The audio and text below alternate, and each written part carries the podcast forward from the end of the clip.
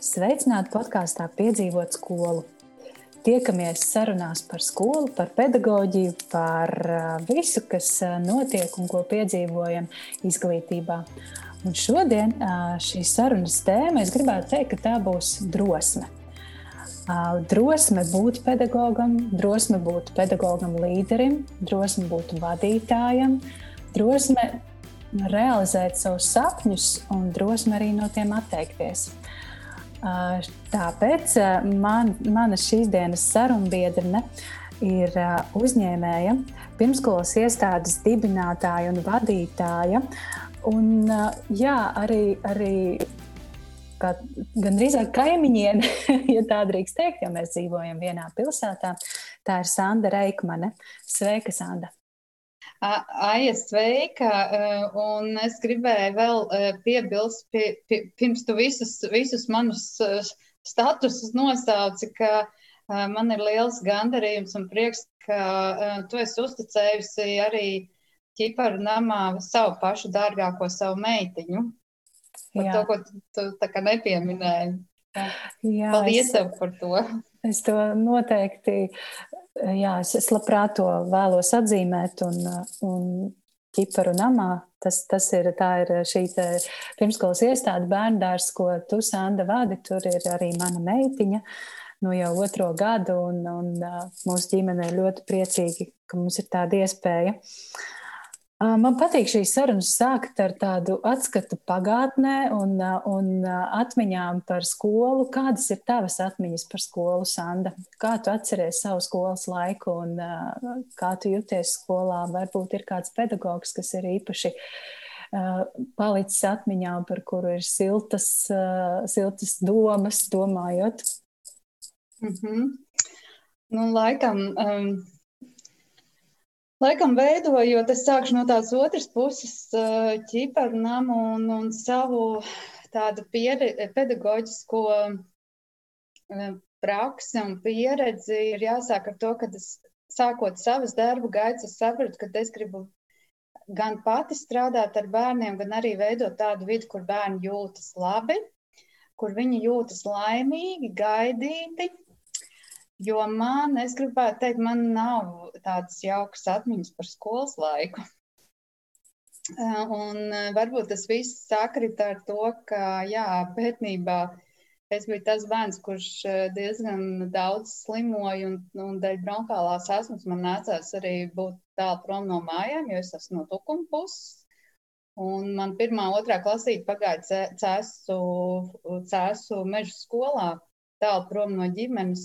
Man ir fantastiska ģimene, mamma ar tēti un divām māsām, kuri ļoti, ļoti par manīm arī vēl šo baldu dienu rūpējās un uztraucās līdzīgi kā es arī par viņiem. Un, līdz ar to tās skolas gaitas, esot prom attālināt no ģimenes, nu, tu stādies priekšā, cik tas ir izaicinoši. Šobrīd vienkārši zinot saviem tuvajiem cilvēkiem, tādu pirmo, otrās klases bērniņu, ka viņi tā aizved, prom un atstāju. Uh, es domāju, ka tas tā, tā diezgan nu, tāds izaicinājums, un, uh, bet to es sasaistu ar to, ka visticamāk, nevis visticamāk, bet tāds arī ir, tas ir atstājis tās pēdas tāda, kāda es esmu šodien, jo es varu ļoti ātri, fleksibli um, mainīt dzīves vietas. Nu, tagad gan nevar tā teikt, tagad jau 12 gadus īkšķeli ir manas mājas un nebūtu negribētos mainīt. Ja? Bet man ik pa laikam, tajā brīdī, kad ir kaut kāda tāda izvēle, man nav bijis tā ļoti sarežģīti tagad mainīt. Ja es esmu Jālgavā desmit gadus dzīvojis, Rīgā piecus gadus, un tad, ja kaut kas tāds mainās, ok, brauc mainu. Vai arī man nav īpaši grūti veidot, dibināt kontaktus jaunās vietās. Ja, ja, ja kādam, kādam ir licies, ka atnākot uz īkšķeli, es te visus pazinu, nē, bija tā, ka es te pazinu tikai pāris cilvēkus. Šīs attiecības, eh, eh, kuras tika veidota tieši ar īkšķilas cilvēkiem, ar īkšķilas pašvaldību, tas ir viss sācies eh, no nulles. Un, nu jā, redz, viena no manām studijām arī bija sociālā pedagoģija, man tā ļoti, ļoti patikās tā rakņāties un saprast, kāpēc es esmu tāda, kāda esmu. Un, um, Jā, par cik es tā aizdomājos par savām skolas gadiem. Pēc tam jau es mācījos Tukuma otrajā vidusskolā, Un, uh, man bija ļoti brīnišķīgi skolotāji, un bija arī tādi skolotāji, par kuriem es domāju, ka viņiem nevajadzēja, nevajadzēja strādāt šajā profesijā. Uh, tas ir atkal. Tad, kad tu skolas vidē jūties ļoti labi, tad arī tev gribās mācīties, tev gribās izzināt, tev gribās līdzināties saviem vienaudžiem. Un tad man tāds uh, Eh, es gribētu teikt, eh, laiks, kad es visvairāk mācījos, man ļoti patīk mācīties, bija jau brīdis, kad pēc pamatskolas es aizgāju uz Kandavas lauksaimniecības tehnikumu. Un Tanī laikā arī man bija, tur nāca klases biedrenis, kurš teica, San, bet tu esi pilnīgi savādāk nekā tu biji skolā. Un, un es kā līdz šim reķinu, tas jau ir ruji, 25 gadu atpakaļ, varbūt vairāk. Un es tieši viņai teicu, es saku, nē, es visu laiku esmu bijusi tāda, bet jūs vienkārši neļāvāt man tādai būt. Tā kā, nu jā, es biju tas, nu kā pa lūzeriem sauc. es ļoti slikti jūt, jūtos, nu tieši pamatskolā. Bet tas, ko es paralēli aizrāvos, man pati iet uz deju kolektīvu. Es par cik biju ļoti, ļoti gara, un man ielika deju kolektīvā ar vecākiem bērniem. Tas man ļoti patika. Tur es jutos ļoti komfortabli. Un, un otra tāda interešu izglītība uz, laikam, toreiz sauc pionieru namu vēl, vēl vai jaunradas nams, pēc tam tika pārdēvēts uz mākslas studiju, un tur es arī ļoti, ļoti, ļoti labi jutos, jo uh, tur bija līdzi man blakus tādi cilvēki. Un tā kā tā, mm, jā, jo es arī padomāju par tiem skolotājiem, mm, kas manā dzīvē kaut ko tādu ir ietekmējuši, tā noteikti bija viena no manā klases audzinātājām. Klases kundze, jāsaka, jāsaka, es vārdu viņai neatceros. Viņa bija gan klases audzinātāja, gan arī latviešu valodas skolotāja. Un, um, un Otra skolotāja, kurai arī es uzvārdu neatceros, bet viņa pasniedz mums bioloģiju, un tās ir atkal interesanti atmiņas saistītas nevis gluži ar to mācību procesu, bet tā bija skolotāja, kur brauc mums līdzi uz skolānu dziesmu svētkiem. Ka viņa bija tas cilvēks, kurus iepazina tādā dziesmu svētku vidē, kā nevis kā klasisku skolotāju, bet kā cilvēku. Un šis laikam saistās ar to, ka mm, to, ko īpaši šobrīd dažādās konferencēs un semināros uzstāja, ka mācību vidē ir jāveido šīs emocionālās attiecības, jo tieši tās būs tās, kas paliks bērnam atmiņā. Ja? Šo labvēlīgo vidi, jebkurā vecuma posmā. Un tikai tas arī veicina, bērns grib mācīties, ka bērnam ir šīs in intereses, kad nu, atrast, saskatīt, ka katrā kaut kas ir tas īpašais. Bet, nu, tas ir baigi izveicinoši. Jā, īstenībā man tas stāsts ļo, ļoti pārsteidza, jo man šķita, ka tu stāstīsi par ļoti laimīgu skolas laiku, kurā tu jūties iedvesmot, un tev bija lieliski skolotāji, bet Bet tas pilnīgi pretēji, un tad es tā domāju, nē, nu, loģiski, un, un kad stāsti, kā tas tev ir izveidojis par to, kas tu esi šobrīd, jā, nu, tas viss izskaidro. jo, jo, manuprāt, tu tiešām atšķiries ar to savu redzējumu un tādu, tādu sirsnīgu patiesumu. Tu esi patiesa, bet tāpat laikā sirsnīga, bet pateiksi eh, tā, kā ir lietas. Un, eh, tas, tā, tas noteikti ir eh, jā, bērnībā veidojies. Bet kā tu nonāci pedagoģijā? Vai šī motivācija bija mainīt lietas, vai, vai tas bija vienkārši interese par, par pedagoģiju? Pastāsti sīkāk. Kandavas tehnikumā tas bija tas laiks, kad pirmo reizi sāka nu, mājaturība parādījās tāda specialitāte, Es biju atkal viens no tiem klasiskajiem bērniem, kuriem apmēram 16 gadu vecumā absolūti nebija skaidrs, kas tas grib būt. Man bija skaidrs, ka es gribu prom tikt no savas tās klasiskās skolas, jo tur es labi nejūtos. Un es tiku kaut kur citur. Un par cik es aiz tās savas noslēgtības tiešām ļoti daudz ar rokdarbiem nodarbojos, un to jau pēc tam sapratu, tā jau bija manējā terapija. Es tādā veidā varēju, nu, nu, man katrā ziņā tas bija tas, kas man acīm redzot bija vajadzīgs. Un um, interesanti sakot, tā, ka mācoties šo mājturību Kandavā, mums um, tā kā bija, par cik tas bija pilnīgi jauns kurs, kaut kas jauns arī Latvijā, mums iedeva arī klāt pavāru kategorijas. Mēs, protams, to visu mācījāmies, un es tajā laikā domāju, bet es taču nenācu mācīties šeit par pavāru. Un tu iedomājies, un tagad strādājot bērnu dārzā, man tās zināšanas tik vajadzīgas un tik noderīgas. Un, un savukārt augstskolā, nu, tur gan tur bija mums pedagoga lielo burtu. Šajā, šajā sakarā bija Rudzīts, kas ir arī ķīmijas grāmata autors. Un, un, un um, mākslas skolotājs Palsone. Un, Cik tie uzvārdi arī jau paskrējuši pa gadiem pāri, bet uh, tur, tur jau atkal bija cits tas vilnis, ja, ka, ka mēs tur gājām jau šajās studijās. Nu, tas bija ļoti, ļoti interesanti un aizraujoši.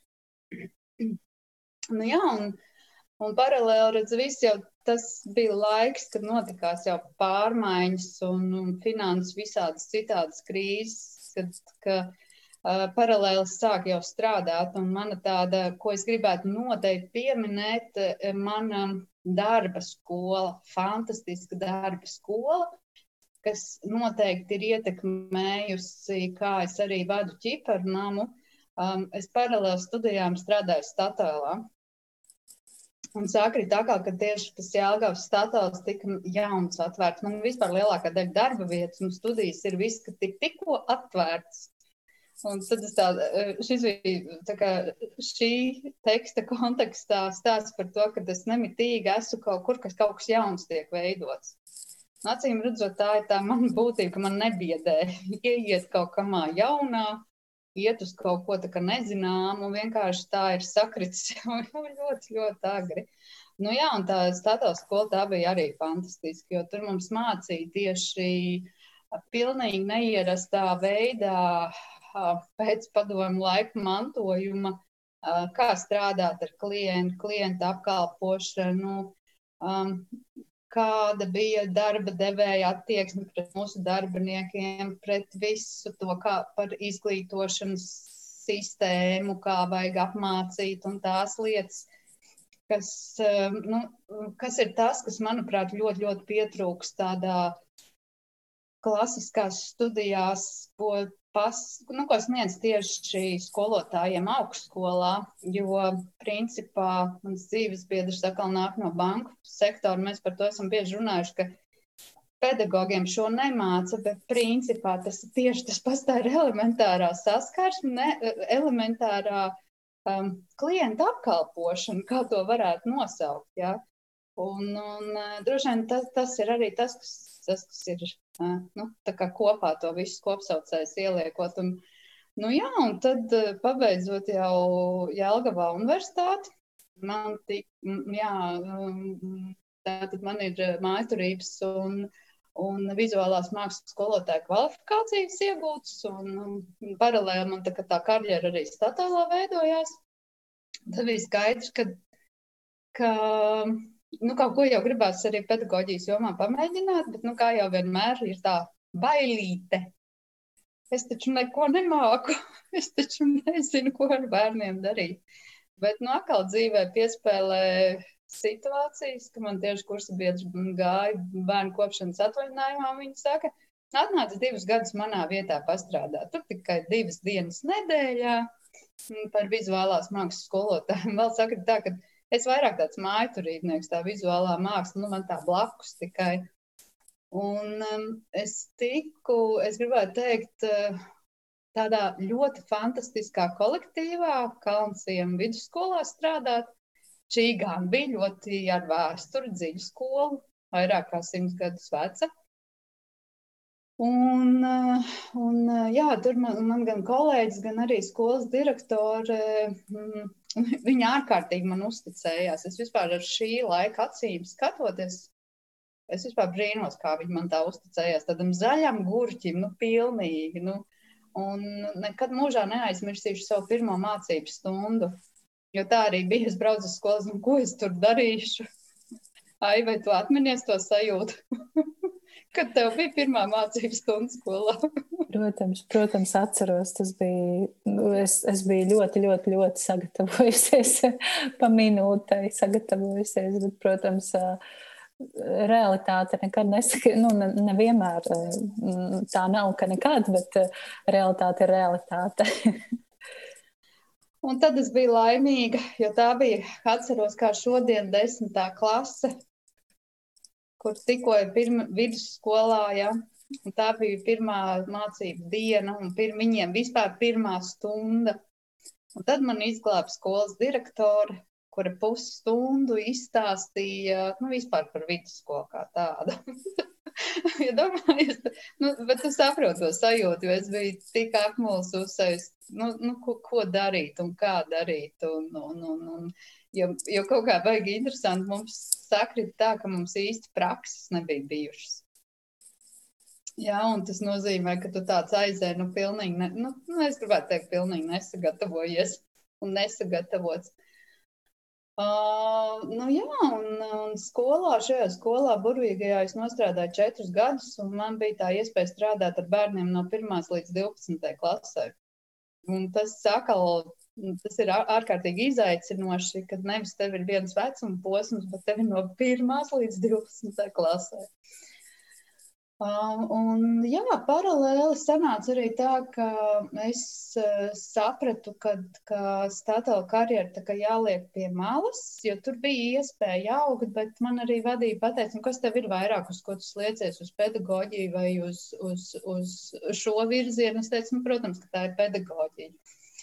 Un kuriozi jau bija arī tas, ka es kā skolotāja taisu saviem skolēniem hotdogus Un, un, īpaši tie jaunie puiši ironizēja un, un, un nu, tāds, un tad vienā brīdī bija tā, nu, nu, nu, nu, nu šis īsti vairs, sakā, nu, šis negāja mani vairs kopā, un, un jā, tajā laikā arī man vecākā māsa, māsa savā ģimenē sāka uzņemt auģu, auģu bērnus. Es tā kā sāku arī interesēties par šo jomu. Un uh, mans ceļš aizveda Jālgavā tieši tikko sākvēra durvis vaļā. Akal ieklausies, akal jauna iestāde, pilnīgi jauna institūcija Latvijā. Um, uh, savus bērnu jauniešu uh, māju, ja, savus bērnu ciematu jau bija, bet tieši jauniešu māja tas bija kaut kas akal jauns. Uh, Un, un tad brīdī paralēli es ļoti, ļoti sāku jau aizdomāties par tām lietām, to, ko jau tev sāku, cik emocionāli vispār bērnu skolas vidē jūtas komfortabli, vai cik viņus emocionāli kā cilvēkus uztver. un tad tie mani pirmie, kā lai pasaka, šis bija ļoti, ļoti sarežģīts, grūts darbs, jo tur bija 11 jaunieši, kuri ir auguši šajā ciematā man bija skaidrs, es jau biju izpētījusi un arī paralēli mācījos un zināju, ka šie cilvēki bērni ir ļoti, ļoti satraumēti. Un, un nu, kas ir tas, kā viņiem kā var nevis dot gatavo zivi, bet dot makšķeri, un tas ir arī izaicinoši. Un paralēli es jūtu, ka man skolas dzīvē strādājot, um, es nevarēju saprast, nu, kā lai īpaši puišus, nu, tādus 8, 9, 10, 11 klasi, iedomājieties, mākslas jomā pievērš uzmanību viņiem, lai viņi nāk, lai viņi kaut ko dara, kaut ko ieinteresētu. Un kaut kā netīšām es uzķēru to virzienu, ka nu, cilvēcīgi vienkārši sāk parunāties. Nu, piemēram, 12. klasē, kad viņi atnāk pie maniem, viņi saka, nu, kā tu domā, ja mums ceturtdienā pēdējā ir māksla, Viņi tur čaļi jau 18, 19 gadu viņi strādā. Viņi, viņi saka, nu, nu, tu domā, ka mēs nāksim. nu, tīri tādu. Un, un tad sāk prasīt, sāk, a, ko tu dari? Viņi saka, nu kā, nu man reāli pašam naudu jānopelna un tā tālāk. Un, un nu, nu, vi, viss tāds. Un tad viņam saka, bet, saka, bet saproti, es tev nevaru izlikt atzīmi, ja tu pat neatnāc, ja tev attieksme ir tāda. Ja? Es saku, bet mēs jau varam izdomāt kaut kādu ceļu, kā tu to var izdarīt. Mm, savukārt bija viens puika, ko es arī nekad mūžā neaizmirsīšu. Tas bija tas mirklis, kad es uzķēru. Nu, viņš arī atnāk no nu, tāds kārtīgs pusaudzis, laikam, 9. klases. Viņš saka, priekš kā man tā zīmēšana un ko un tā. Nu, atkal ar viņu sēžam, runājam. Beigās izrādās, mēs vienkārši to stundu no, nopļāpājām. Stāsts puikam abi divi vecāki aizbraukuši uz īriju. Viņš dzīvo ar vecām māmu kopā. Vienīgais, ar ko viņam ir parunāt, ar viņu runā rādio, un viņš parunā ar suni. Ja? Un tie dzīves stāsti tādi, uh, vai nu, vēl kaut kādas situācijas, daudz bērnu ģimeni, kur dzīvo dziļi mežā, 8 km, kur viņiem laikam pat tādā brīdī vēl elektrība nebija. Un tad sanāca tā, ka es tādās um, skolotāju sanāksmēs sāku, nu, tur, protams, ka tie bērni automātiski slikti mācījās, un viņiem nekad nekā nebija. Jo Un, un tad arī tas jautājums, kad cēlā augšā, es teicu, bet jūs ziniet, jo mēs tur ar vienu labdarības akciju vienkārši braucām, es to māju ieraudzīju, es vienkārši biju ārprātā. Es biju, jūs zināt, ka, tā, ka skola ir vienīgā vieta, kur viņi ir siltumā, kur viņi ir pēduši, kur viņi ir kaut cik tādā pozitīvā vidē. Un es saku, to, ko es redzēju, kas viņiem mājās darās, eh, tad es priekš šīs ģimenes jau esmu iekārtojis sev atvilkni ar papīru, zīmuļiem jo tie bērni absolūti ne pie kā nav vainīgi. Nu, tā kā, nu, tā kā caur nu, šie, šie tie daži tie piemēri, tie dramatiskākie. Nu, un acīm redzot, laikam tās manas iniciatīvas bija tādas. Man jau likās, ka es neko īpaši nedarīju, bet direktori man teica, ej, mācies sociālo pedagoģiju. Un, jā, tieši tajā laikā akāla neklātienē bija pirmais jaunais kurs sociālajā pedagoģijā. Uh, Un um, tur, jā, jau pirmajā kursā, nu kā tas jau bija kā papildus uh, kvalifikācija, tad uh, mūs aizved uz Montessori kabinetu. Un tur es sapratu, šis ir kaut kas, kas mani paķer. Nu, paķer tā, nu tā dziļi, dziļi. Un, redz, mēs jau tā pišķīt pārgājām. Ļoti labi. es, es tev neļauju iesprāgties. Ļoti labi. Tavs stāstījums, dzīves stāstījums. Tas taču ir burvīgi. Jā, un, un, un paralēli sāku arī tur studēt, mācīties, jo tur bija iespēja sociālās pediatrijas, vai saku, tur Latvijas Universitātē sociālās pediatrijas centrā uh, iet šo uh, pedagoģu apmācību. Un šī vairāk bija tāda tā, tā terapeitiskais virziens, bet nu, jā, ļoti labi to klasiku tieši iedeva. Uh, un, uh, nu jā, paralēli arī sanāca tā, ka mani uzrunāja mana tā laika SOS jauniešu mājas vadītāja, ka viņi saka, taisam kaut ko savu, taisam Jelgavā privāto bērnu dārzu. Nu, un, uh, jā, patiesībā tas pirmsākums bija doma par Jelgavu. Um, bet tad tie dzīves ceļi sakrit tā, ka arī Uh, mans dzīves ceļš aizgāja uz Rīgu. Un uh, paralēli nu, tas bija 2008. un 2009. gads, kad sākās nākamā ekonomiskā krīze. un, um, nu, jā, un tādi gan daudz izaicinājumi. Uh, šis stāsts par sadarbību beidzās mums skumīgi. Ar kompāņoni mūsu ceļi pēc nepilna gada šķīrās. Bet es esmu viņai pateicīga par to, ka es esmu ļoti viņai pateicīga, jo es nezinu, ja viņa man nebūtu uzaicinājusi, vai šādas soļus būtu spērus. Es, godvār, es nezinu. Es nezinu. Jo, protams, tajā brīdī sākt savu uzņēmēju darbību pilnīgi nesaprotot neko no tā. Um, tas bija tā, nu jā, uh, Un tur bija ļoti dārgas mācības stundas, ļoti dārgas. Gan uh, naudas izteiksmē, gan draudzību ziņā.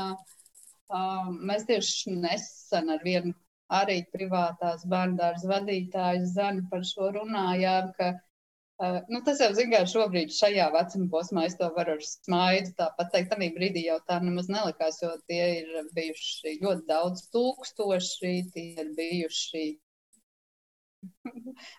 Iedomājieties, no skolotāja jāliks iekrājumi. un, un tādas lietas, nu, tādiem neapdomīgiem, vai, nu, pareizāk sakot, nu, vienkārši jau pieredzes nebija. Piemēram, mēs uzrakstījām ļoti dārgu biznesa plānu. Um, jā, stāv man ielikt smukos vāciņos, kā ļoti dārgs projekts. 2000 lati.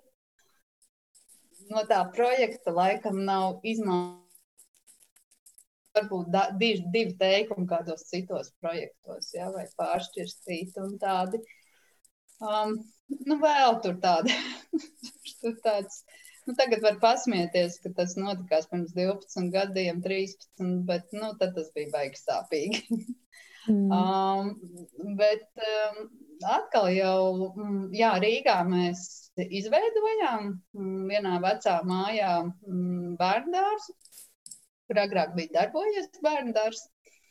Un tas bija fantastisks dzīves sakala gads visādās jomās.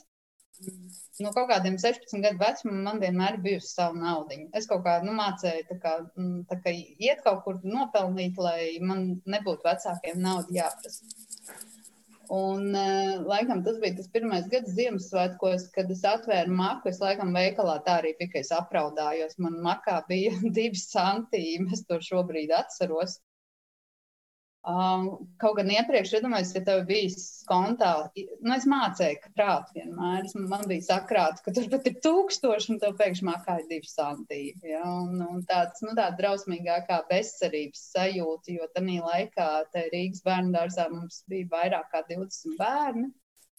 Um, jā, pie manis jau strādāja trīs cilvēki, bet skatoties ar šī brīža acīm, um, nu, tā komanda bija šausmīgi vāja. Es nevaru salīdzināt, kas ir tagad ķipernamā.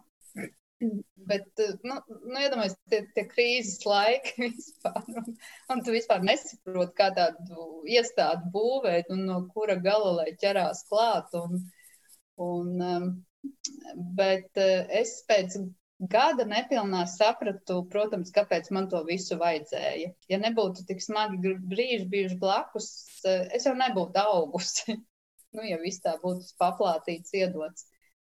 Uh, nu, un sakrita tā, ka jā, bija jau. Me, Gadrīz gads tik, bija nostrādāts šajā Rīgas bērnārzā vadīts ļoti smags gads, jo tā bija veca māja, tur regulāri kaut kas plīsa, tur bija jāiegulda, jāremontē. Un, um, jo bieži man prasa, no kā tu nokļuvi līdz ikšķilai, Un sakrit tā, ka tieši maijā, kādā skaistā svētdienas eh, pēcpusdienā, vienā ikšķilas dārzā mēs sēdējām, droši vien bija kāds pikniks, un Un, jā, man bijusī vīra māte ar, ar, ģimeni tur ikšķelē dzīvoja, un viņa tā kā, un es, es tieši saku, es saku, izskatās, ka es ar to Rīgas bērnu dārzu beigšu, un nekādu uzņēmēju es neesmu, es, nu, es neko nemāku vadīt, tieši vien atpakaļ par skolotāju strādāt, un viss man ir apnicis, ka visu laiku nekad nav naudas, un visu laiku ir stress, un es esmu pārgurus no tā visa. Un viņi saka, nu redz, ikšķelē trūkst bērnu dārzu vietas, Un, un rekā mums te liels dārs un liela māja, un, un, un te tu varētu, bet nu, tas viss tādā hihikā līmenī, ka nu, apmē, no tās sajūtas, nu, mēs te runājam, bet nu, nu, te tas nav reāli. Nu, nav reāli. Un tici vai nē, nākamajā dienā, tā ir pirmdiena, Rīgā pie tā bērndārs man pieklauvē pie durvīm Sirms kungs, um, mm, Andrejs Grāsis, viņš ienāk iekšā un viņš saka tā, mm, iedomā nokopēt dokumentus, es ikšķilē gribu taisīt bērnu dārstu.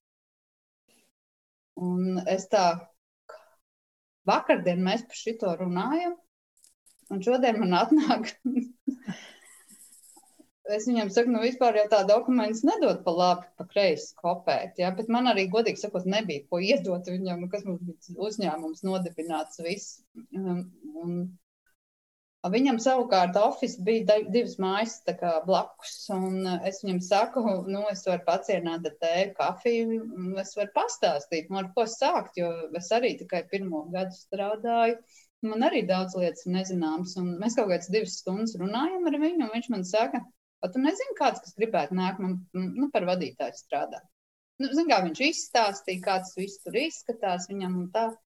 Un es tādu sēžu, es tā, es. Un, un, jā, un tas jau bija tas brīdis, kad mums ar kompāņonu mēs jau tur šķīrāmies, jau nu, bija šķiršanās process un, un viss. Un, um, es, un, nu, un mēs ar to graškungu sarunājam, nu, braucam uz Ikšķelu paskatīties, kur tas notiekās. Tu esi bijusi trešajā stāvā, tur var redzēt pa loga daugavu, un tad laikā tieši ābeles ziedēja. Viņš man saka, nu, viņš ir rīktīgi kā romantiķis. Viņš uzved uz skaistāko vietu, kur visi viesi, kas viesojas pie mums, arī uzreiz, oh, cik skaisti. Un, eh, bet saka tā, ka es viņam tieši arī teicu, es saku, bet viss jau ir baigi labi, bet eh, man kontā laikam ir knapi simts lati. Um, principā ir tā, ka man ir sajūta tāda, ka es nu, tā, ka neko negribu. Uh, Jo man tas pirmais funkcijas bija nu, ļoti labi. Visu, lai viņš ņem visas rūpes par mēbeļu iegādi, par kā personālam algas maksātu. Nu, es vadīšu uzņēmumu. Ja? nu, bet ātri jau sapratām, ka nu, viņ, viņa virzība ir nama īpašumi un ka tur droši vien, kad ar, ar mācību iestādes izveidi tur īsti nekas lāk nesanāks. Kā rezultātā tā arī bija, kad nu, jau es ar savu sijā pārgājām šeit visu, visu tagad darīt. Nu, re, 12. mācību gads rīt. Es pilnīgi neticams stāsts, jo es tā iedomājos, nu, tu, tu izveido bērnu dārzu, ir krīze, totāla bezcerība un pilnīgi tā kā tāds likteņa pirksts ierodas šis cilvēks. Tu pazini šo cilvēku iepriekš vai, vai vienkārši? Kā, kā tas tā var sagadīties? Nu, Ieklauvē, jā, un, nu, pa, nu, pasaka, nu, ir kosmos. Jā. Nu, ir, ir, tur bija pilnīgi kosmos, jā, jā, jā. Un, un, un tad ar viņu jau runājot, tā jau arī bija, ka, jo es viņam teicu, nu jā, ka man galīgi nav naudas, un tad viņš teica, meitiņa nekad tā nesaka. Un es viņam teicu, nu reāli, mēs ļoti izveidojām sporšu līgumu, kad ļoti cilvēcīgi, jo es viņam teicu, man nav ko iemaksāt pirmās īres maksas, un es nezinu, vai vispār izdosies. Zikā, bet es šito nevarētu teikt, ja es tam gadam, tam smagiem Rīgas gadam nebūtu gājis cauri. Kas ir tas, ko tu, ko tu paņēmi no šī smagā Rīgas gada? Ko tu pieredzēji tādu, kas tev pēc tam varbūt palīdzēja attīstīt ķiparunamu, kas nu jau 12. mācību gadu strādā un strādā ar, ar tādu spēku un šķiet, ka tur viss notiek un notiks vēl ilgi. Kas ir tās mācības stundas? Tās mācības stundas, kas īstenībā šobrīd iet ļoti paralēli ar ar, kā jau mēs iepriekš runājām, ar eh, vienu projektu, ko mēs eh, pirms nepilnu pusgadu pārtraucām. Tā ir skola, eh, kas ļoti, ļoti iet paralēli kopā. Viena no mācībām, ka, lai kādi ir apstākļi, grūti vai viegli, grib, negrib, tu vari paļauties tikai pats uz sevi. Tikai, tikai un vienīgi. Un, eh, jā, šie, šis bija viens no atslēgvārdiem, kas man kā, mm, arī mani veicināja pieņemt šo grūto, smago lēmumu. Man atkal viena man arī tieši kolēģi, arī privātas iestādes vadītāji, viņi šo teica. Vienmēr padomā, ja tu kaut ko dari, vai tu to varēsi izdarīt vien pat, ka tev nav blakus šie līdzcilvēki arī, arī ja tavs uh, atbalsts un platais plats, kas man ir aivars, ja viņš, vai tu to varēsi izdarīt. Uh, un, um, un uh, tas bija tas apliecinājums, jo, mm, ja, ja mēs paņem, pieminam arī par skolu, tad tā arī bija, nu kā pavasarī atnāca frīzīte kārtējā, ja? Mm. Un um, kas ir baigi interesanti, tad, kad notiek krīze, Kas notiek ar cilvēkiem? Viņi, protams, tā, tā ir, tas ir maslo piramīdas pamat, pamatlieta. Viņi domā jau par tām pašiem, pašiem pamatiem. Ja? kā es nodrošināšu sevi, savu ģimeni, ēdienas, uzturs, pajumte un pārējās lietas, un redz, izglītība ir diemžēl kaut kur augstāk. Uh, tas paliek jau mazsvarīgi, ja? un, un tā, tie ir tie psiholoģiskie faktori, un tu gribi, negribi no tā nevar izvairīties. Nu, un redz, un krīze ir baigi labais, kā es teicu, lakmus papīrīts, lai parādītu, kas ir kas. Ja, un eh, arī šajā krīzē bija tā, ka es negribu teikt, ka es paliku viena. Tā nē. Bet, eh, bet eh, tie cilvēki, kas iepriekš ir teikuši, ka viņi ir ar tevi vienā solī un ka viņi to grib, tad pienākot krīzē, viņi pasaka, ai nē, es tomēr, es tomēr izvēlos citu ceļu. Un, un šis tāds vienkārši atkal kādreiz tas apliecinājums par to, ka vārds. Tu vari tikai paļauties atkal tikai, tikai uz sevi. Ja? Un, eh, jā, ši, šis laikam tāda, tāda lielākā tā, tā atziņa. Tas, ka var kaut kādas lielas lietas darīt, eh, droši vien man jau kaut kādas iepriekšējās darba vietas vai nu, kaut kā ir devis. Uh, bet um, tas, par ko es sevī to pārliecību radīju arī nu, mans pieminētais stāsts ar, ar Grašu kungu arī tāpat. Nebaidīties runāt tad arī, ka man ir grūti. Ja nebaidīties teikt, klau, jā, es gribu, bet es šobrīd nezinu, vai man sanāks. Bet tajā laikā jau bija, viņš jau pats teica, tas ir drausmīgi redzēt. Tajā laikā arī Rīgā bija, es atceros, man liekas, uz pusi ēkām bija, kad ir pārdot, kad iznomā, ka tās tāls bija tukšas. Un, protams, ka šie namīpašnieki arī parakstījās uz visādiem noteikumiem. Galvenais, lai kaut kas notiek. Līdzīgi jau kā šogad, ja tā, kaut kas līdzīgi bija. Un, eh, nu, kad ir jārunā, kad ir jārunā, un laikam tas bija arī tas, kas to pārliecību man deva, ka iet uz pašvaldību runāt, jo daudz jau to nezinu, bet uh, pateicoties man un pateicoties daudziem pašiem cilvēkiem Mikšķils novad pašvaldībā, mm, tika beidzot izveidot sistēma, lai būtu šis līdzmaksājums. Ja, jo atnākot mums nekas tāds nebija. Un, un tur pateicoties šiem cilvēkiem, mēs arī veidojām. Pat tur sākumā bija pat iepirkums, iepirkuma konkurss, un kamēr, kamēr tas tādā valstiskajā līmenī tika sakārtots. Jā, jā, un tādu, tādu, at, nu, tādu atvērtību arī domājot par tiem klausītājiem, kas varbūt eh, nezina, kas tu esi un nav no ikšķilas, tad eh, rezumējot tavu stāstu, eh, tu meties nezināmajā šajā Rīgas projektā, Rīgas privātajā pirmskolas iestādē. Mm. Pēc tam tu meties nezināmajā un izveidoji nu, ne svešā vietā, bet nu, Ikšķila nebija ne tava dzimtā vieta, ne, ne tavas mājas. Pirms tam uh, tu izveidoji Ikšķilē bērnu dārzu, ķiparunams, privātais bērnu dārs, kas darbojas joprojām, bet pagājušajā gadā tu, uh, tā teikt, uh, paļaujoties spied, vecāku spiedienam, kas burtiski pieprasīja turpinājumu bērnu dārzam, tu izveidoji privātu mhm. skolu, kas, jā, neiz, nu, es tā drīkst teikt, neizturēja krīzi. Zini, kā es gribētu šo tā tieši par skolu, jā, tā, tur man ir jāpiemina, ka mm, tas bija kaut kas ļoti, ļoti unikāls, jo mm, kaut kā tieši, teikt, beig jārēķina. 18. gada nogalē, jo īpaši man likās, tas bija tāds eh, rudens virmojums no visām pusēm, jo man kādus četrus gadus jau visu laiku nāca un kā bija kārtējā vecāka sapulce, tā sāna taisi, vajag.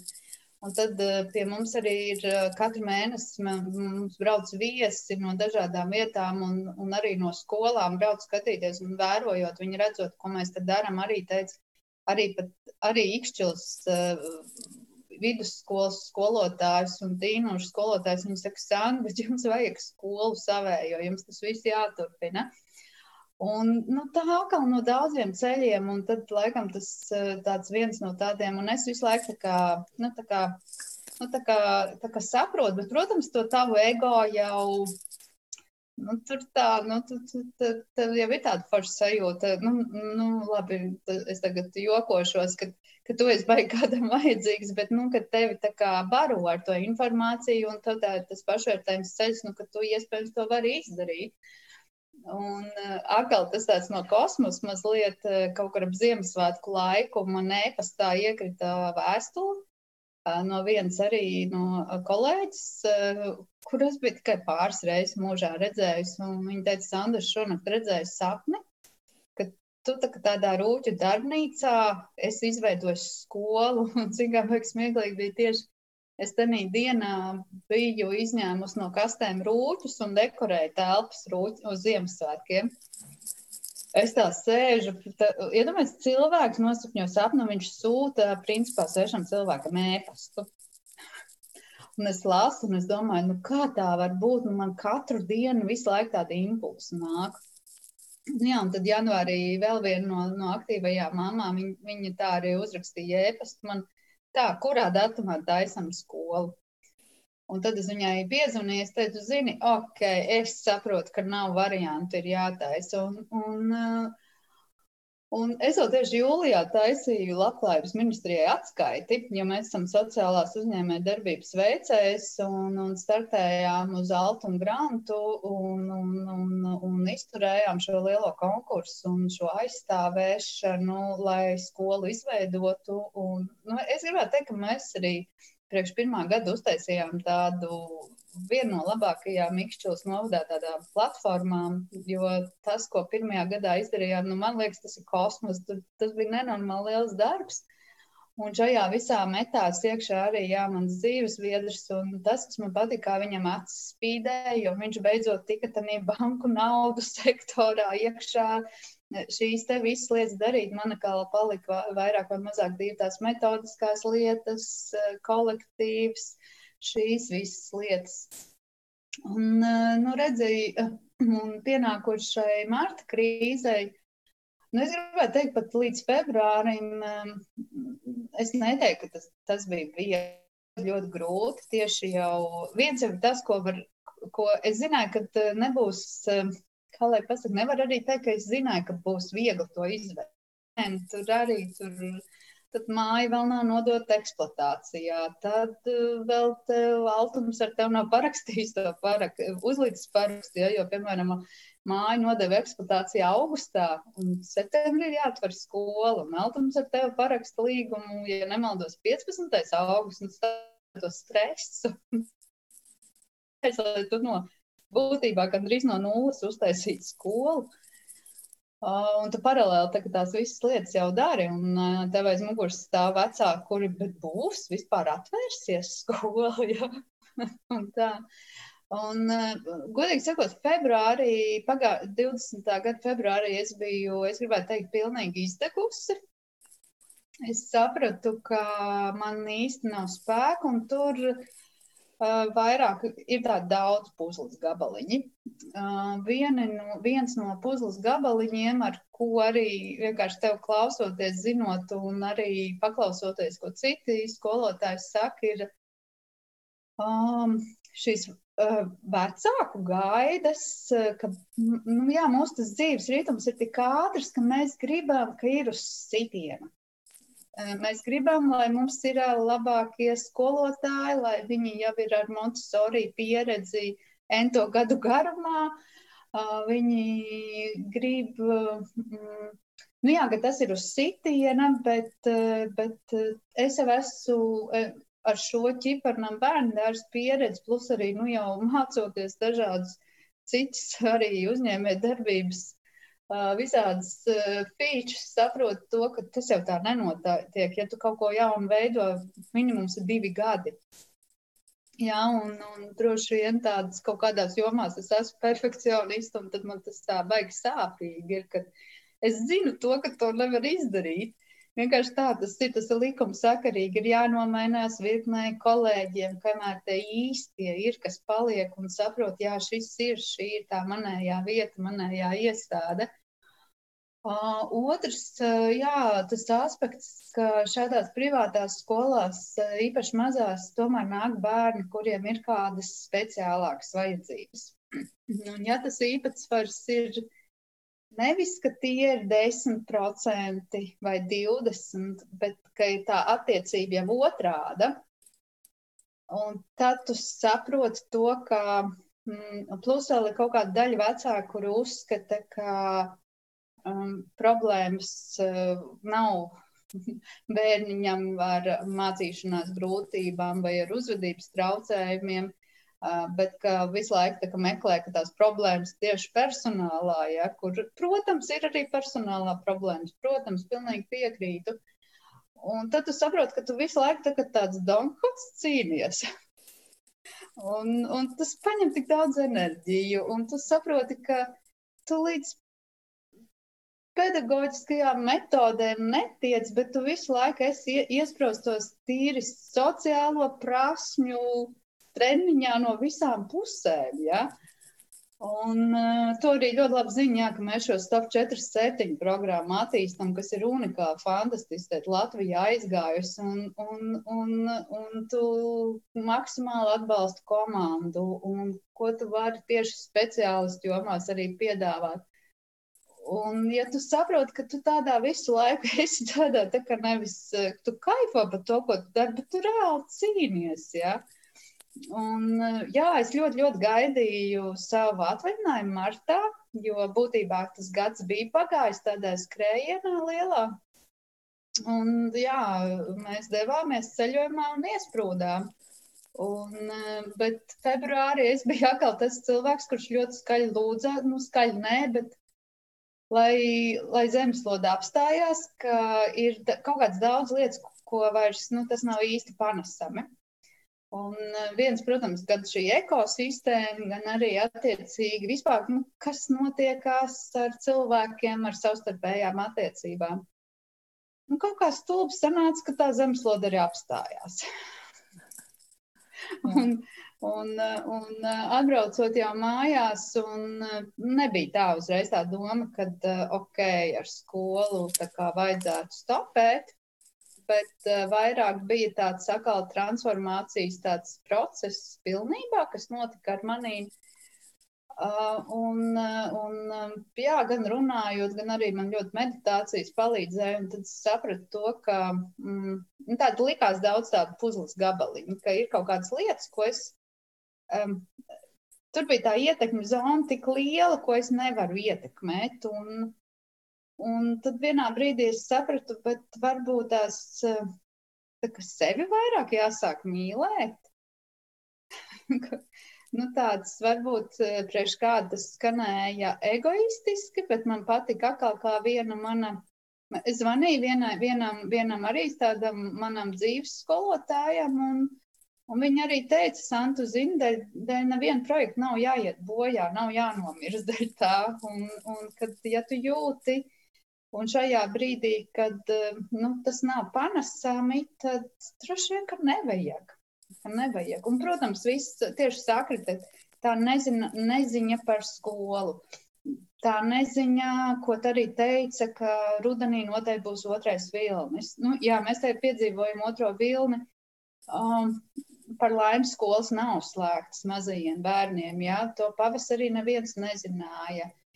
Mums vairākiem klientiem bija tā arī, bija, ka viņu darbvietas tika, tika izpo, izpostītas. Ja? Un, un, nu, tā ir ārkārtīgi liela neziņa. Ko tad ar to darīt? Un tādā brīdī, kad tev aprīlī ir jāuztais tabela darbinieku, lai, lai samaksātu darbiniekiem algas, un tu saproti, ka ka šī tādā spriedzē būs jāiet arī rudenī cauri, nu tad uh, atkal jautājums, vai gribās katru nakti negulēt. Jā. Mm. Un, un, nu, tur nu, daudz, daudz tādas lietas. Daudz. Jā. Lielas paldies tev par atklātību. Un es, es visu laiku klausos un domāju, cik drosmīga esi tu un cik daudz tev ir miera Un vēl es domāju par to, ko es pati tikai nu, pēdējā laikā apjaušu un, un visiem, visiem saviem bijušajiem kolēģiem, kurus satieku, saku, ka mums beidzot, jā, mums beidzot jābeidz skolotāja darbs saukt par misiju. Jo tas pirmkārt, nu, tam pirmkārt vajadzētu būt darbam, nu, kā darbam, nevis uh, sevis ziedošanai. Tas, uh, protams, ir cēls darbs, uh, Bet, eh, jā, kā jau tu minēji, nu, nu, vispirms ir tomēr jāmīl sevi un jāprūpējas par sevi. Un tiešām, ja, ja kaut kas to prieku nerada un rada tikai bažas un raizes un saspringumu, tad varbūt ir jāpaiet no tā malā un, un jā, jāpaskatās uz citu pusi. Bet kā tev ir? Tu esi pavisam atmetusi šo domu par, par skolu, jo es, es domāju, ka tev joprojām to jautā. Es ticu, ka tu, es, es esmu dzirdējusi, ka to jautā. Un es, es arī pati par to domāju, nu, ka tas būtu loģisks turpinājums tiem bērniem, kas ir izauguši ķiparu namā, tas būtu vēlami un loģiski un ļoti gribētos. Bet kādā, kādās domās tu šobrīd esi par to? Mm -hmm. Ziniet, šis ir tas, man, jā, tā arī ir. Man, nu, jau ar vien retāk, bet ik pa laikam kāds jautā to. Un, un ziniet, jau sākuma tas brīdis bija ļoti smags, īpaši, īpaši sākumā, un, un smagi to bija klausīties no tiem, kuri ļoti gribēja ja, un turpināt, un, un, un vajadzēja turpināt, un vēl jau vairāk es zināju, ka uh, ir, ir bērni, kuriem. Um, nu, kuriem šajā skolā ies labi un ka citās skolās viņiem varētu būt grūti, jā, dažādu iemeslu dēļ. Tad man vienmēr bija tā smagi, grūti. Vēl kas interesanti, man 1. septembrī bija ļoti grūti. un, um, un tu zini, un pēc pāris nedēļām man vairs grūti nebija. Drausmīgi, varbūt šobrīd tas skanēs, bet, uh, bet uh, Bet uh, tieši tie stāsti no kolēģiem no skolu dzīves par to, cik viņi drausmīgi, bezspēcīgi jūtās un ka viņi 2. septembra nedēļā ir pilnībā izdeguši. Un uh, vienīgais, ko līdzīgi kā tu minēji, es par to misiju vēl tādu, es vēl dzīvoju, kad ir kaut kā, nu, tāpēc, ka man ir misijas visas. bet to, ko es viņiem teicu, es teicu, mīļie, mīļās skolotājas, es tiešām par jums stipri ļoti, ļoti domāšu. Ja jums vajag kāds uh, mans profesionālais vai vienāds cilvēciskais atbalsts, jūs droši man variet zvanīt, ar manīm runāties, kuras varēšu, es palīdzēšu. Tikai dariet to. Nu, tā ir, lai atbalstītu, lai, lai tā kā saprastu, jo es teicu, es zinu, par ko jūs runājat. Es pilnībā jūs saprotu ko šo visu darīt. Ehm, es saku, es pagājuši gadu tam visam gāju cauri. Un, eh, un ehm, martā sapratu, ka es laikam kaut kā arī muļķīgi skan, bet es negribu vairs par to, par to domāt.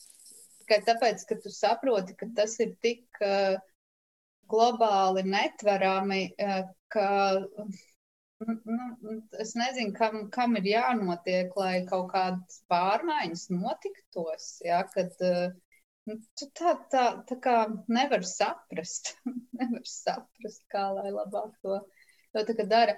Bet runājot par skolu, zin, ir tas teiciens, nekad nesaki nekad, bet laikam šis šobrīd ir uh, pilnīgi noteikti, ka nē. Uh, un uh, ka, ka nē, un, un man vairāk saka, jā, jā, tev pāries, un tad jau ko, es vienkārši zinu, ko tas ir nesis apakšā, tās ir ar nenormāli liels materiālās saistības, nenormāli liels, jā. Uh, un, un tā atbildība, un tas viss, uh, un ta, tas, ir, tas ir viennozīmīgi, ka mēs tam vienkārši otr, otrais īsti, es negribu iet cauri, uh, bet redzēs, jau esmu tāds cilvēks, kuram uh, nu, man vajag ik pa laikam kaut ko jaunu, kaut ko tādu aizraujošu. Es ilgi nevaru sēdēt. Eh, man kādre, kaut kāds piecus gadus atpakaļ bija tā, kad laikam es vienā reizē sēdēju sev kabinetā, domāju, ai, baigā rutīna. Vai kaut kā garlaicīgi, ko varētu padarīt. Nākamajā dienā man bija zvans. klausies, uztaisim kādu nometni.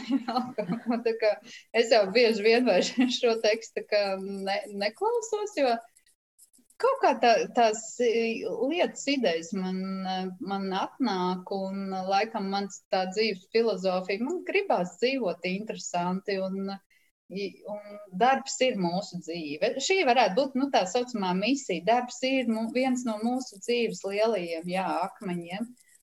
Un man patīk, lai ir interesanti, man patīk mācīties, man patīk um, gūt zināšanas un darīt. Un, un tas, ko mēs vienkārši ar Aivaru pēc tam runājām, pēc skolas slēgšanas, ka šobrīd būs tā, ka nevis mēs ietekmēsimies, ko citi cilvēki grib, lai mēs kā, kaut ko darām, bet darīsim to, to, kas mums pašiem tiešām patīkās. Nu, šī brīža tas virziens ir, kas atkal, manuprāt, ir ļoti sasaistē ar to, ko mēs runājām, tāda pieaugušo mentālā izglītošana, tieši runājot arī ar klusums skolas apzinātības uniem skolotājiem, ko viņi saka, ka skolotājiem ļoti akūti pietrūk šīs, šīs te, tieši apzinātības zināšanas, šīs personības uh, Pašapziņas eh, celšanas, eh, dažādas aktivitātes, pasākumi ir ļoti daudz pētot vienkārši materiālus, kas Latvijā notiek. Ir, ir ļoti daudz dažādu pašu semināru. Šis ir tas virziens, kurā mēs tagad ejam. Ja, tāpat kā organizēt uh, Tiku jau no, noorganizēju jau augustā vienu Montesori pedagoģu apmācību. Jā, piekdienu vajadzēja būt ārā dzīvei, izbraukuma kursam, kur bija jau ļoti liela interese pat tikai tādā tuvāko paziņu lokā izlaižot šo reklāmu. Tā kā, nu, diemžēl atcēlām. Uh, šis ir tas virziens, uh, to, ko es redzēju, ka es drīzāk varbūt ar savām zināšanām, prasmēm varētu spēcināt skolotājus. Jo es sapratu, ka es vairs īsti negribu iet tam cauri. Varbūt, ja man būtu 30 gadi, es to darītu, bet šajā posmā laikam, laikam pienāca brīdis, kad uh, jā, es varētu meklēt mehānismu, kā atbalstīt, bet pati es to vairs īsti negribu darīt. Mm -hmm. tā, no, nu, tā, tā. Skaisti. Es, es domāju, ka ļoti burvīgs mērķis, lieliska ideja, par kuru es priecājos. Un, un es, es saku arī, ka tas ir nepieciešams, jā, skolotāju balstīšana, skolotāju pašapziņa. Uh, Un saruna, mēs runājam jau stundu, un man te ir vēl milzīgi daudz ko pajautāt. Mēs neprunājām par Montesori pedagoģiju. Kāpēc, kāpēc tā ir tava izvēle? Kaut gan, ja uzmanīgi klausījāties sākumu, sarunas sākumu, man liekas, ka tur izskanēja atbilde, ka tev šī te, ir šī te mazliet kā vilšanās klasiskajā pedagoģijā. Un, un, un tad Montesori ir kaut kas, kurā tu jūties labāk. Uh, Mēs neparunājām par tik daudz ko, bet tas būtiskākais jautājums, ko es tomēr tev vēl, vēl gribu paspēt pajautāt, um, par, par, jā, par šo te spēku tevī, par atkal jau par drosmi, par uzdrīkstēšanos būt uh, pašapziņīgai skolotājai, būt, būt pašapziņīgai sievietei, teikt, es esmu pedagogs, es esmu izglītības iestādes vadītāja un to darīt ar ļoti augstu paceltu galvu un ar tādu nu, foršu prieku.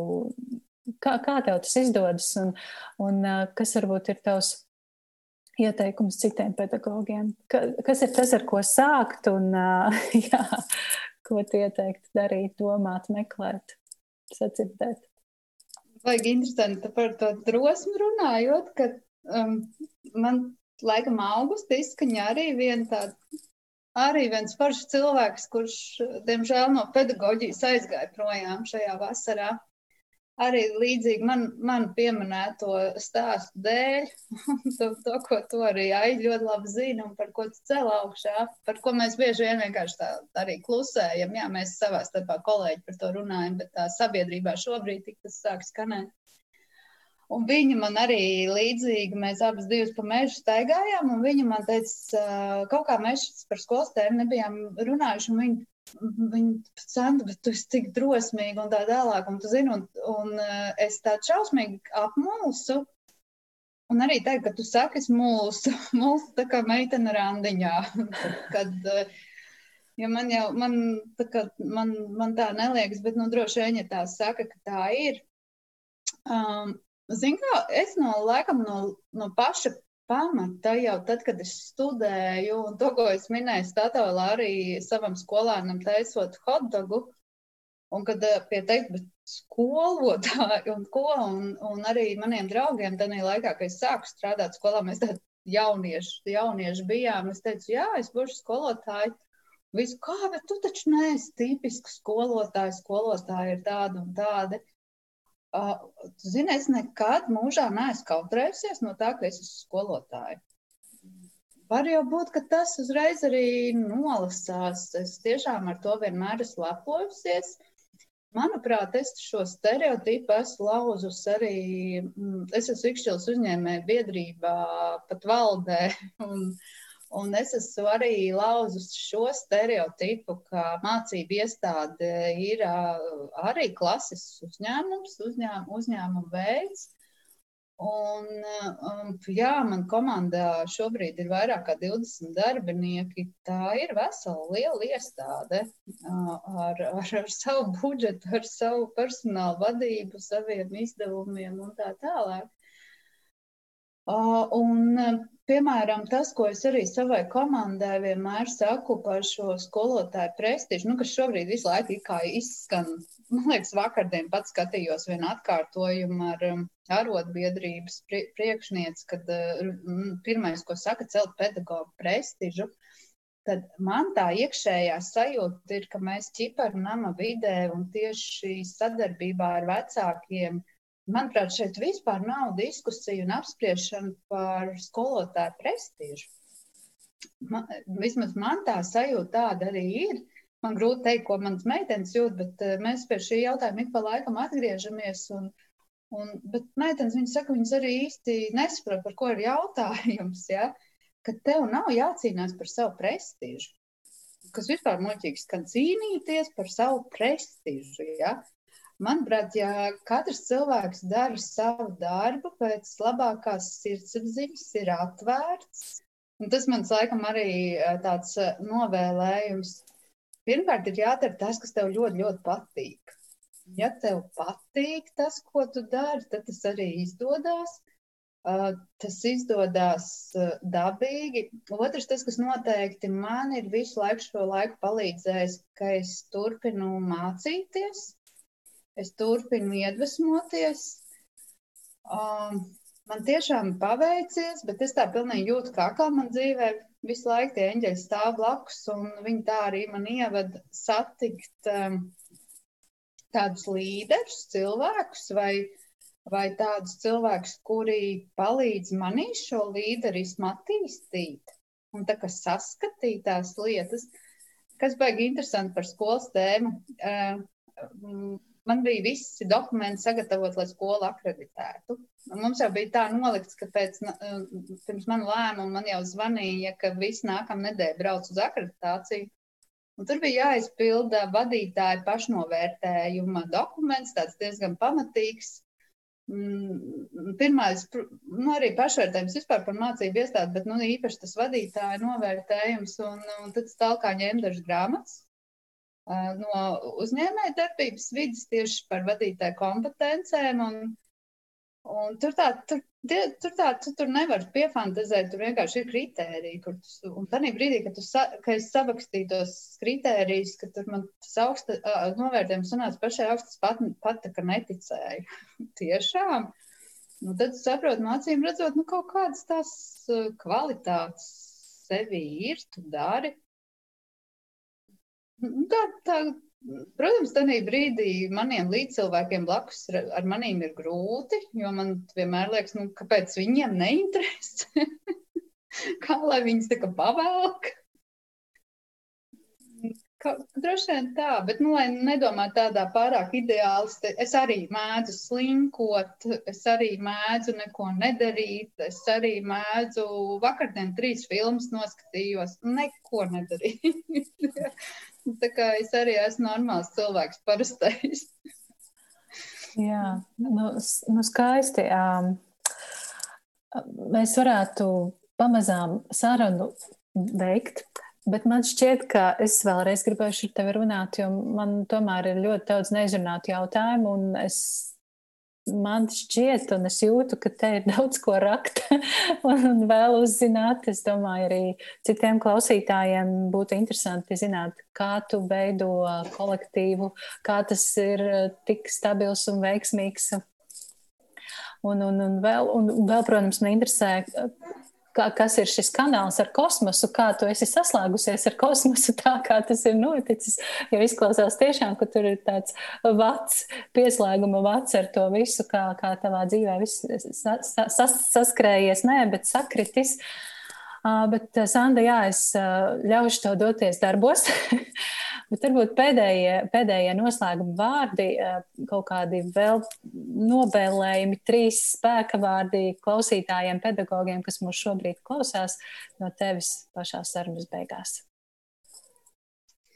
Nu jā, nu spēku vārdi pirmkārt jau esiet atvērti, mīliet dzīvi un esiet laimīgi.